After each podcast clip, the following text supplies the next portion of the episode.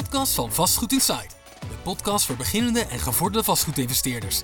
Met uw host Christy Albay en onze gast van vandaag Marvin. Welkom bij alweer een nieuwe podcast van Vastgoed Insight. En vandaag hebben wij een super toffe gast, Marvin. Van harte welkom. Welkom. Dankjewel uh, voor de uitnodiging. Ja, het is leuk dat je er bent.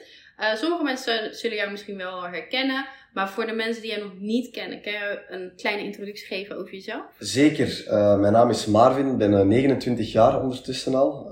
vorige week of twee weken geleden verjaard. Oh, gefeliciteerd. Dankjewel, dankjewel. Um, ik ben al enige tijd bezig uh, in de vastgoedsector. Um, sinds mijn 21 om correct te zijn.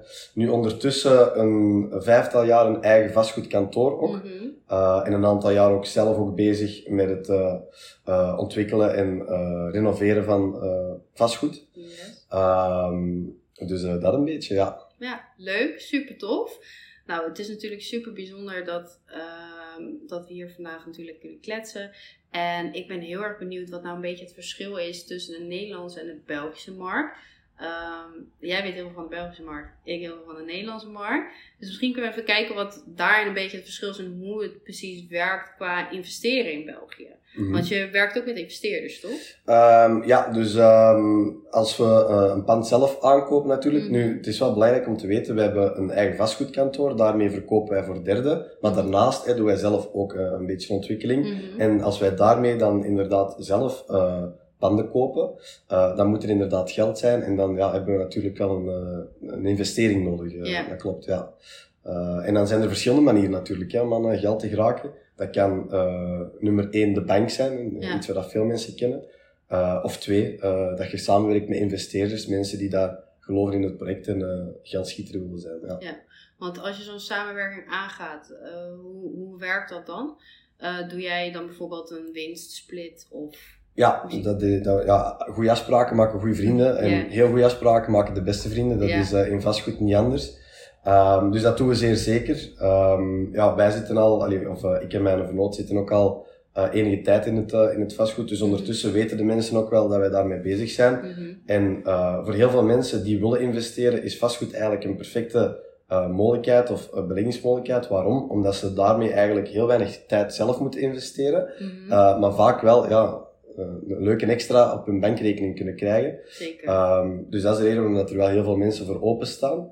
Uh, omdat ze ook zien uh, naar onze afgewerkte producten en ook wel zien dat die vaak ook wel goed verkopen. Ja. Um, dus uh, voor ons is het tot op vandaag dag niet zo heel moeilijk om investeerders te vinden. en daar wordt dan inderdaad altijd een goede afspraak mee gemaakt op voorhand. vroeger was die natuurlijk anders dan dat die nu is. Vroeger was dat 50-50 vaak. Dus mm -hmm. dat uh, dat de winst op het einde van de rit uh, na alle kosten 50-50 werd verdeeld.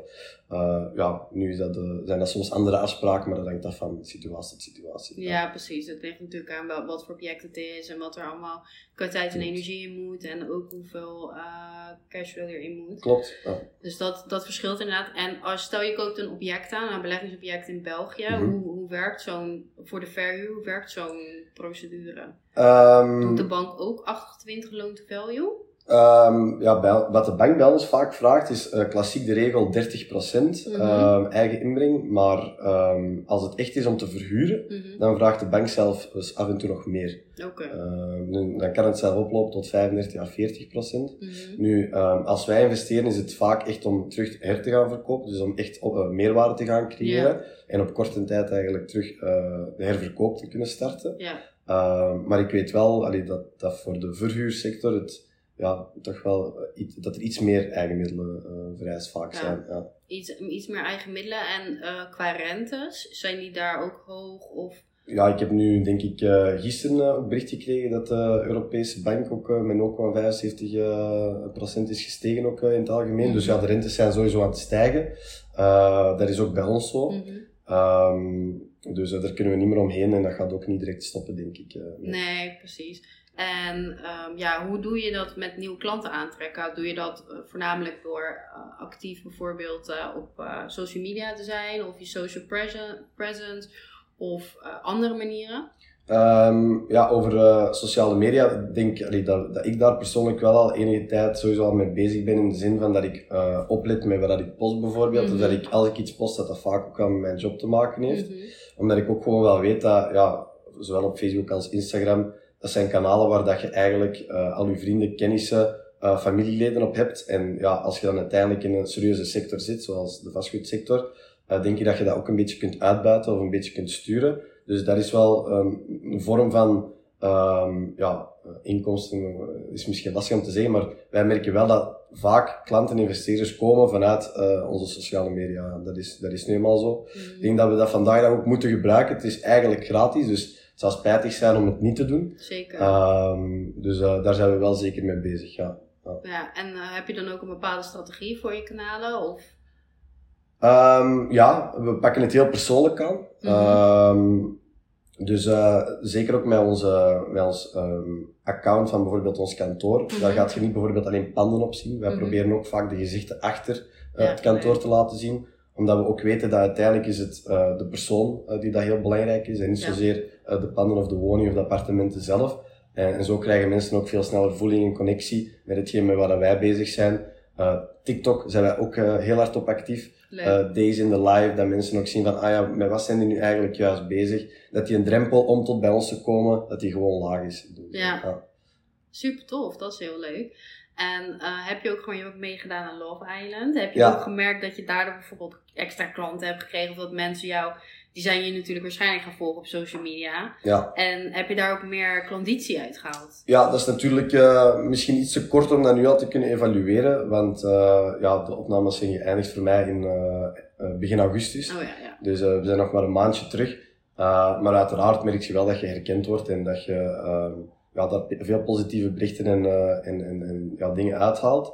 Um, we zullen zien op lange termijn of dat, dat ook uh, ja, op dat vlak dan positief is. Ja. Dus, maar het is nu nog misschien iets te kort om dat nu al te kunnen evalueren. Maar in ieder geval is het wel leuk om te zien dat mensen mij ja, ergens toch al kennen. Ja. Want uiteindelijk zitten we in een, een people's business. Veel mensen denken als ze in de vastgoedsector komen van ja, de woningen en de appartementen zijn belangrijk, maar Mhm. eigenlijk is dat niet het geval. Nee. Mensen geven vaak hun huis in vertrouwen aan ons, om dat dan ja, snel en duur te kunnen verkopen. En dat is toch ja, een hele moeilijke drempel, want, want uiteindelijk is dat die mensen in hun spaarpot, dat is Ja. hetgeen dat, ja, vaak ook het duurste in, uh, in aankoop in uh, Ja. mensenleven. En dat geven ze dan vaak in vertrouwen aan ons. Um, dus het is wel leuk om te zien, en um, dat merkte nu al, dat mensen wel al een beeld van, van ons hebben, of van mij dan hebben, omdat ik natuurlijk er mee aan zo'n programma. Ja. Maar uh, of dat we daar echt veel gaan uithalen, dat zal nog moeten blijken. ja, precies. Je hebt ook meegedaan aan andere programma's, vertelde je me net. Huizenjagers ook aan meegedaan. Dat is een Belgisch programma ook, waar dat, uh, makelaars tegen elkaar opboksen om het beste uh, huis te vinden voor kandidaten die al uh, gedurende lange tijd op zoek zijn. Um, dus uh, we hebben wel wat ervaring in de tv-sector ondertussen. Maar nee, het is gewoon heel belangrijk. On online aanwezig zijn, uh, aanwezig zijn op, uh, op andere kanalen. En uh, zolang als je dat een beetje deftig en serieus aanpakt, denk ik dat dat alleen maar een meerwaarde kan zijn. Ja, ja precies. Want uh, met je social media, dan heb je dus twee platformen. Je hebt zeg maar echt uh, voor je kantoor zelf. Ja. Je hebt je eigen kanaal. Ja. En doe je dan vaak, omdat je natuurlijk mee hebt gedaan aan dat programma, mm -hmm. kan je ze, doe je ze dan proberen door te zetten naar jouw uh, zakelijke kanaal? Um, ik probeer de twee wel te scheiden. Mhm. Want ik merk ook dat er veel meer, dat was al voor de programma's dat ik meedeed, veel meer binnenkwam aan leads en aan contacten via mijn eigen persoonlijke Mhm. account. Uh, dan via het uh, ja, account van ons uh, Ja. kantoor. Dat is ook logisch, omdat mensen uiteindelijk gewoon in rechtstreekse verbinding willen staan met de makelaar of met de persoon Ja. die dat uiteindelijk ermee bezig is, dan met het kantoor. Het kantoor, het account eh, van het kantoor, dat doen we uiteraard ook. Want mensen willen ook dat vandaag de dag, als ze hun huis via ons verkopen, dat hun, dat hun woning uiteraard wel ook online uh, te koop komt te staan. Dus we zetten dat ook op onze so sociale media. Mhm. En ik kan dat niet op mijn persoonlijke uh, Nee. als feed, allee, als feed post zetten. Ik post dat wel vaak op mijn verhalen en dergelijke. Um, maar dus ons uh, account van ons kantoor moet er zijn, maar ik gebruik wel de twee apart, dat wel. Ja, Ja, precies. Oké, nice. En um, nou ja, we hadden het net natuurlijk heel even kort over de Belgische markt, hè, dat het zo anders is. Want in Nederland heb je 80-20 vaak voor de verhouding. Mhm. Nou, dat is dus dan al een best wel groot verschil. Want dan Mhm. is het al tussen de 30-40% eigen Ja, in, we moeten wel, we moeten wel rekenen. Natuurlijk, ook daar zijn er wel hulpmiddelen ook, hè, of, of Hè, want het is moeilijk om dat altijd zo zwart-wit te bekijken. Mm. Eh, het hangt één ook van bank tot bank af. En Ja. twee, hangt het ook natuurlijk van het pand af. Als jij morgen naar de bank stapt en, ehm, om een voorbeeld te geven, om makkelijk te rekenen, ehm, jij koopt een pand aan voor 100.000 euro, wat dat vandaag de dag praktisch onmogelijk is natuurlijk, maar. Stel, je, eh, je je vindt een pand voor 100.000 euro, op papier heb je dat aangekocht, maar de eh, effectieve waarde is misschien 150.000 euro. Ja, dan kun je vandaag de dag ook een, een bankschatting laten uitvoeren. En als de bank dan zegt van, ah, de reële waarde is 150.000 euro, en we gaan u een lening geven op basis daarvan, ja, dan is uw eigen inbreng al veel minder. Ja, Dus ja, je hebt er eh, de, de, de vaste regel van eh 70-30, of van, eh, die dat soms vaak nog hoger ligt. Maar als uw pand eigenlijk al vanaf dag 1 meer, meer waard is dan dat dat op papier is aangekocht, ja, dan heb je Ja. natuurlijk minder nodig. Dus, Ja. dus dat zijn natuurlijk ook al zaken waar dat je rekening mee moet houden. Klopt. Ja, inderdaad. Want dat, dat wordt inderdaad veel gedaan. In Nederland heb ik zelfs een paar keer gehad dat mensen een pand zo laag hebben aangekocht dat die veel meer waard was. Waardoor ze echt heel weinig eigen inleg Voilà. te doen. Of soms helemaal niks. mhm. Dat heb ik ook wel eens meegemaakt. Dus dat zijn de mogelijkheden. En ehm, ja, wat natuurlijk ook anders is, is dat je wel over de huurstroom betaal je wel eh, inkomstenbelasting. En wat is dan interessanter in België? Om het in een vernootschap te doen of, of om het. Want Ongetwijfeld, ongetwijfeld eh, zullen er voordelen zijn eh, in privatieve aankopen als in eh, aankopen met de vennootschap. Ik denk dat het vooral afhangt in de hoeveelheid. Vanaf als je met een aantal panden bezig bent, zal het ongetwijfeld interessanter zijn om het met, met de vennootschap te doen. Het is trouwens ook zo, in België is het eigenlijk verboden om, dan spreek ik over de verkoopmarkt, om eh, panden privé aan te kopen om met winst eh, telkens door te verkopen. In principe is dat in, ja, voilà, in principe is dat privé, privé verboden, omdat je dan ja, op termijn ook wordt aanzien als eh, vastgoedhandelaar. ja, En dan zijn er ook weer andere tarieven aan verbonden. Hè? Want in België is het zo dat je ehm, bij elke aankoop registratierechten betaalt. Mhm. Ik weet niet hoe dat, dat in Nederland juist zit. Maar eh, is gewoon bij de notaris. Bij de notaris, ja. Dus eh, als je privé koopt voor jezelf en je gaat er zelf ook effectief in wonen, dan betaalt je maar 3% vandaag. Mhm. Het is ook al veel veranderd de laatste jaren. Maar als je ehm, bijvoorbeeld een pand koopt, ehm wetende dat, of, wetende dat je al een ander pand hebt, privé, ja, dan betaalt je eigenlijk al 12 eh, procent. 12. 12 procent, ja. Maar als je als vastgoedhandelaar koopt, dan betaalt je 4 procent. Oh. Dus er zijn, ook daarin zijn er al verschillende, ehm, verschillende mogelijkheden en verschillende principes in. Dus vaak is het ook wel ehm, interessant om je als handelaar in te gaan schrijven, Ja. waardoor dat je dan eigenlijk al minder belasting betaalt. Ehm, dus daar moet je ook al voor een stuk naar gaan Maar kijken. eigenlijk is dat dan in Nederland, doen ze het dan weer andersom. In Nederland hebben ze nu 9% gemaakt. Mhm, Voor de, voornamelijk voor de investeerders. mhm. Ehm, dat dat minder wordt. En in België supporten ze het meer. Krijg ik nu het idee met de 4%. Want als jij je inschrijft mhm. Als bemiddelaar of als handelaar, dan is het maar 4% in plaats van 12%. Klopt, ja, klopt. Ja, ik weet dat er in Nederland, ehm daar heb ik onlangs eh, gehoord, dat er eh, een soort van, eh, ja, politie wil ik het niet noemen, maar een soort, een soort van regel is dat je in bepaalde gebieden niet meer mocht kopen als investeerder. Of, Klopt. Ja. Ja, ze zijn hier best wel streng geworden. Dus je hebt bijvoorbeeld in Utrecht, Rotterdam, Amsterdam heb je in bepaalde gebieden dat je niet mag opkopen om het te gaan verhuren. Mhm, Ehm, wel kan je bijvoorbeeld een pand aankopen die al verhuurd is voor minimaal zes maanden. mhm. En die kan je dan overkopen met de huurder en dan kan je hem daarna wel weer verhuren. Maar je kan dus niet een random pand kopen die dan leeg staat van, een particulier Mhm. in dat gebied en dan helemaal omturnen tot verhuurwoning. Oké. Ja, ik heb het gevoel dat dat bij ons nog niet echt eh, eh, het geval is, want ja, we merken ook gewoon dat de verhuurmarkt zo, zo sterk en zo hard gaat. Er zijn letterlijk echt wachtlijsten. Ja, Ehm, ja, dat je dat eigenlijk niet, niet kunt maken. Dus hoe meer woningen dat er op de privatieve verhuurmarkt komen of huurmarkt komen, eigenlijk hoe beter.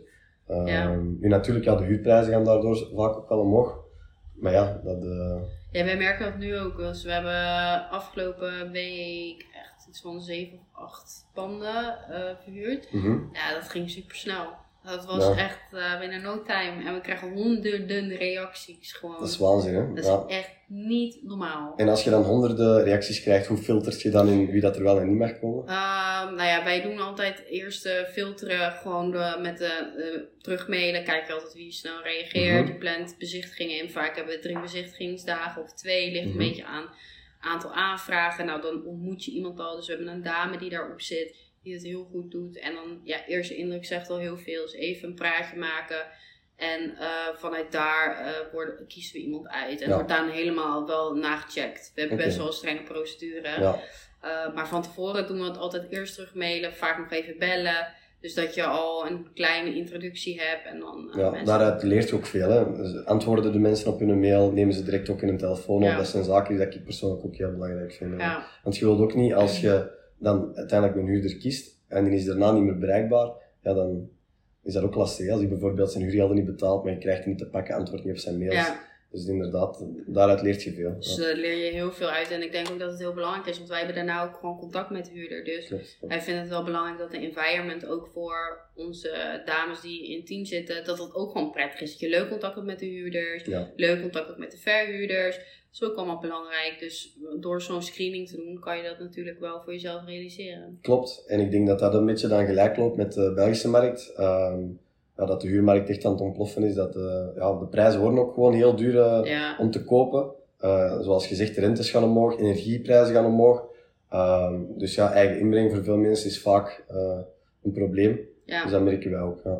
Ja, dus de, huurprij de huurprijzen stijgen in Nederland en natuurlijk de aanvragen stijgen.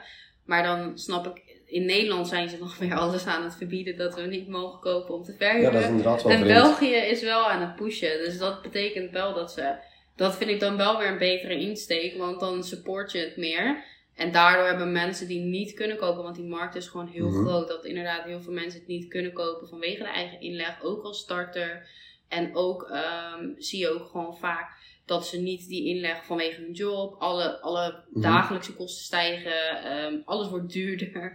Dus ja, de rentes ook vooral. Klopt. Ik, Dus heb, ja. ik heb onlangs een situatie gehad dat wij een appartement eh, verhuurden in het centrum van Antwerpen. En ik denk van de 20 reacties waren er denk ik 13 of 14 Nederlanders. En echt ver, eh, ver in Nederland. Hè. Utrecht, eh, ik denk Groningen zelf, iemand. Mhm.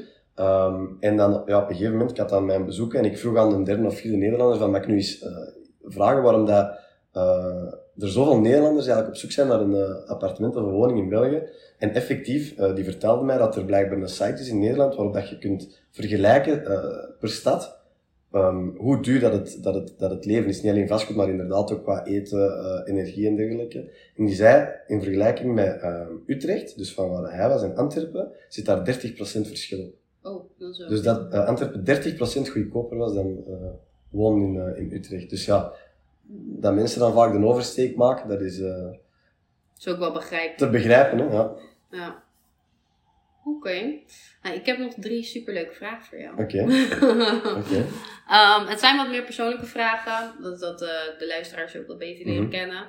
En de eerste vraag is, ehm, hoe zie jij je oude dag eh, voor je? En wat is ja, een beetje het doel eh, in je leven waar je naartoe werkt? Mhm. Dus je, je oude dag kan je een beetje ehm, vormgeven met bijvoorbeeld eh, een dag. Hoe, hoe zou je die beschrijven, zeg maar, van ochtend tot avond? Ja, dat is een heel open vraag. Ehm, ja, ik ben altijd iemand geweest die altijd bezig is. Ehm, dat was, eh, ja, ik zeg het, ik ben op jonge leeftijd al mijn eigen kantoor gestart. Veel mensen verklaarden mij toen ook al een beetje gek in een heel concurrenterende markt. Mhm. Ehm, maar uiteindelijk gedaan, eh, heel blij mee. En ik merk nu ook dat dat iets is wat ik denk ik waarschijnlijk tot mijn laatste adem zal doen. Ja. Misschien op een andere manier qua invulling en niet meer elke dag zelf nog op de baan. Maar ik ben iemand die dat altijd ja, naar verbetering zoekt, naar innovatie zoekt. Dus ik zal, ik denk dat ik toch de sector heb gekozen Mhm. waar ik eh, tot op de rest van mijn eh, dagen mee bezig zal zijn. En dat zal altijd vastgoed aan blijven. Eh, op welke manier dat dat gaat zijn, uiteraard, ja, we kunnen niet in de glazen bol kijken. Dat is Mhm. moeilijk om dat eh, zo te zeggen. Maar ik denk wel dat we altijd bezig zullen zijn. Ik weet ook niet of dat enkel in België zal zijn. Misschien dat we, ja, als we wat ouder zijn, naar, naar het buitenland daarmee gaan. Ehm, waarmee dat ik dat niet, nu niet direct wil vastpinnen, maar ik denk misschien dat dat wel een mogelijkheid is. Ehm, ja, dus uh, zo een beetje. Ja. Oké, oké, klinkt goed. En ehm, your life mission, dus een beetje het doel in je leven. Wat, wat zou je, is nou echt iets waar je naartoe werkt?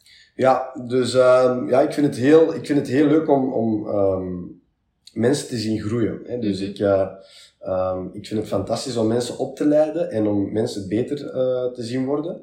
En dat is eigenlijk ook een beetje mijn, uh, mijn levensvisie Mhm. of mijn levensmotto. Um, ik vind het heel belangrijk om een goede spirit op kantoor ook te hebben. Ja. En um, ja, uiteindelijk ons beroep is bemiddelaar zijn. Dus uh, mensen helpen, zowel Mhm. koper als verkoper. Ja. En ik denk dat dat wel iets is wat, dat, um, wat dat altijd in mij zal blijven zitten. Dus ja, ik denk uh, dat dat een beetje een missie is. Mensen Zoveel kantoor beter maken, eigenaars beter maken, kopers beter maken. Uh, zoeken naar die win-win oplossing. Ja. Uh, ja. Super tof. Leuk. En uh, wat vind je nou het leukste aan je job? Het leukste aan de job vind ik de, de vrijheid. Mhm. Um, dat gaat vaak ook gepaard met, um, uh, ja, hoe moet ik dat zeggen? Het moeilijkste eigenlijk aan de job. Mhm. Want door het feit dat je veel vrijheid hebt, kan het soms zijn dat je geen structuur vindt. En Ja. dat is, heb ik al gemerkt, niet voor iedereen weggelegd. Maar Mhm. ik vind dat fantastisch om heel veel vrijheid te hebben. Mm. Om eigenlijk tot op de dag uh, zelf, s'morgens als je opstaat, niet echt 100% te weten welke taken of welke uh, afspraken dat je moet doen. Ja. Want doorheen de dag verandert er zoveel, dat vind ik, dat vind ik fantastisch. Uh, wat vind ik nog leuk? Dat vastgoed ook altijd continu verandert. Dat vind ik Mhm. ook heel leuk. Je kunt vandaag alles weten, maar morgen kan, uh, morgen kan het helemaal Ja, anders het zijn. verandert heel snel. Ja. Qua wetgeving, qua, prijs, uh, qua prijzen, qua uh, markt, uh, alles kan ja, op, een, op een korte periode veranderen. ja. Dus ja, altijd blijven bijscholen, altijd blijven bijleren, dat vind ik fantastisch aan de sector. Ja. Nice, leuk antwoord. Heel nice. En dan heb ik nog een laatste vraag voor je. Wat is de belangrijkste les die je de afgelopen twaalf maanden hebt geleerd en die je zou willen meegeven aan de luisteraars? Oké, okay, dat is uh, geen gemakkelijke vraag. um, ja, afgelopen twaalf maanden. Ik heb wel gemerkt dat ik was iemand voor, ja, ik misschien het wel even kort over Love Island Mhm. hebben. Ik was iemand die daar voor Love Island heel vaak bezig was met, um, of heel veel bezig was met werk, werk, werk en zien dat je het maximale eruit haalt. En ik heb gemerkt door uh, zes weken zonder telefoon, zonder e-mail, zonder contact met de buitenwereld te zitten, dat je eigenlijk meer moet genieten van de kleine dingen. En dat Ja. klinkt misschien heel standaard qua antwoord, maar dat is echt effectief zo. Eigenlijk zou je dat iedereen kunnen aanraden om gewoon, als je op vakantie gaat, die gsm uit te zetten, die mail of je computer niet mee te nemen. Um, en, en dat eens een keer te, mee te maken. En je gaat merken dat de gesprekken met de mensen met wie dat je zei echt veel beter zijn. Dat je veel meer geniet uh, in het moment. Dat je um, ja, echt geniet voor jezelf en niet voor anderen. Want vaak, hey, pas op, ik betrap mezelf erop. Zelfs ik, ik ga niet als ik op vakantie ga. Je neemt foto's voor mensen dat er op dat moment niet bij zijn. Je zet er op je Instagram, op je Facebook. Uh, maar je geniet eigenlijk niet zelf van het moment zelf. Ja. En dat is wel iets wat ik nu in de zomer heb geleerd. Dat uh, je eigenlijk veel meer moet genieten met de mensen met wie dat je op dat moment zei. En ja, dat is wel iets wat ik echt heb geleerd. Ja. Ja, dat is ook wel echt iets heel moois. Ik sluit me daar ook wel bij aan hoor. Ik heb wel een paar keer zonder uh, mijn telefoon uh, Mhm. en dat echt uitgezet. Echt Mhm. even helemaal uh, verdwijnen. En dat is wel echt fijn. Ik, heb dat wel, ik doe dat soms wel als, als ik, één, als ik moet werken. Mhm. Gewoon telefoon op niet storen. Je hebt dus nu altijd zo'n functie die je kan aanklikken. Ik vind het geweldig. Niemand kan me bereiken. Nee, dat- het is ook echt zo. Pas later reageren. Maar dan, re- dan, dan eh, kan je voor jezelf bepaalde rustmomentjes creëren. En Klopt. ook als je bijvoorbeeld eh, met iemand uit eten gaat. Of je gaat iets leuks doen. En je doet je telefoon zetten op niet Ja. storen. Dan ben je er gewoon niet mee bezig. En ik had een tijdje geleden ook niks meer. Ik postte heel veel op Instagram. Op de stories en zo. Mhm. En ik merkte dat ik daar zoveel mee bezig was. Kostte me best wel energie. En dan dus toch elke keer kijken. En ik dacht, nou, dit vind ik echt niet prettig. Klopt. Dus uh, doe ik eventjes een week of anderhalve week eventjes niks. Dus ik heb helemaal niks meer gepost toen. Even. Mhm. En nu merk ik ook aan mezelf dat ik nu alleen nog maar af en toe wat belangrijkere dingen. Ja. Waarvan ik denk van oké, dit heeft wel een waarde. Mhm. Of soms zie ik een leuke quote en dan deel ik dit wel Ja. eventjes. Maar niet meer zoveel. Omdat ik dan denk van ja, het houdt me te veel bezig. En het leidt me af van bijvoorbeeld momenten dat ik met iemand aan het kletsen ben. Of dan kan je niet echt genieten van het moment. Ja, het is dubbel, hè, want uh, in het begin van de podcast waren we bezig over het belang van sociale media. Maar inderdaad, belangrijk. langs de andere kant is het echt zo dat je er vaak in wordt uh, gezogen. En eigenlijk moet je daar inderdaad momenten voor kiezen. Gelijk dat dat eigenlijk met andere afspraken is, moet je een blok zetten in je agenda van nu sociale media en dan gaat het af. Uh, want anders zit je daar een hele dag in verzeild en ja, het is gewoon niet productief. Uh, Klopt. dus uh, nee, dat, dat is eigenlijk een les dat ik aan veel mensen kan meegeven. Ik heb het zelf hard, hartsleers moeten, moeten doen, want ik kan u eerlijk vertellen, dat durf ik ook zeggen, ik uh, was, misschien ben, maar zeker voor Love Island, echt verslaafd aan mijn telefoon. Als ik op vakantie was, mijn telefoon was nooit verder dan een meter van mij. Mm. Altijd bereikbaar, altijd telefoon opnemen als iemand mij stuurde, altijd direct antwoorden. Uh, maar de wereld vergaat niet als je een uur uh, niet antwoordt op iemand of als Klopt. je moet terugbellen. Dat is ja. helemaal niet erg. En uh, ja, dat is wel iets wat, wat ik zeker heb geleerd. Ja, mooie les ook voor de luisteraars. Marvin, hartstikke bedankt eh, voor je komst vandaag. Ik vond het echt een superleuke podcast. Dankjewel voor de uitnodiging. Ik vond het uh, heel gezellig. Ja. ja. zeker. En um, misschien ook leuk voor de luisteraars als je even zegt waar, hoe ze jou kunnen vinden op uh, Insta, LinkedIn en website van je, van je bedrijf. Ja, dus um, ik uh, ben iemand die er altijd antwoordt op vragen die ik krijg. Dus als mensen vragen hebben over de vastgoed over, of, of whatever, mogen me altijd contacteren. Gewoon mm -hmm. via mijn persoonlijke account Marvin mm -hmm. Trentels op eh, Instagram. En eh, ja, dan proberen we zo snel mogelijk een antwoord te geven. Ja. Oké, nou. Dan uh, nogmaals bedankt. En dan kunnen we lekker genieten van de vrijdag. Yes. En uh, voor de luisteraars, ik, uh, jullie horen ons weer bij een volgende podcast. Ciao, ciao. Bye bye. Nogmaals bedankt voor het luisteren van onze podcast. Vind je onze podcast leuk? Laat dan een review achter. Of wil je meer over ons weten? Volg ons dan op Instagram via @matchpropertymanagement en @christialbae. De podcast wordt mede mogelijk gemaakt door Match Property Management en Match Wonen.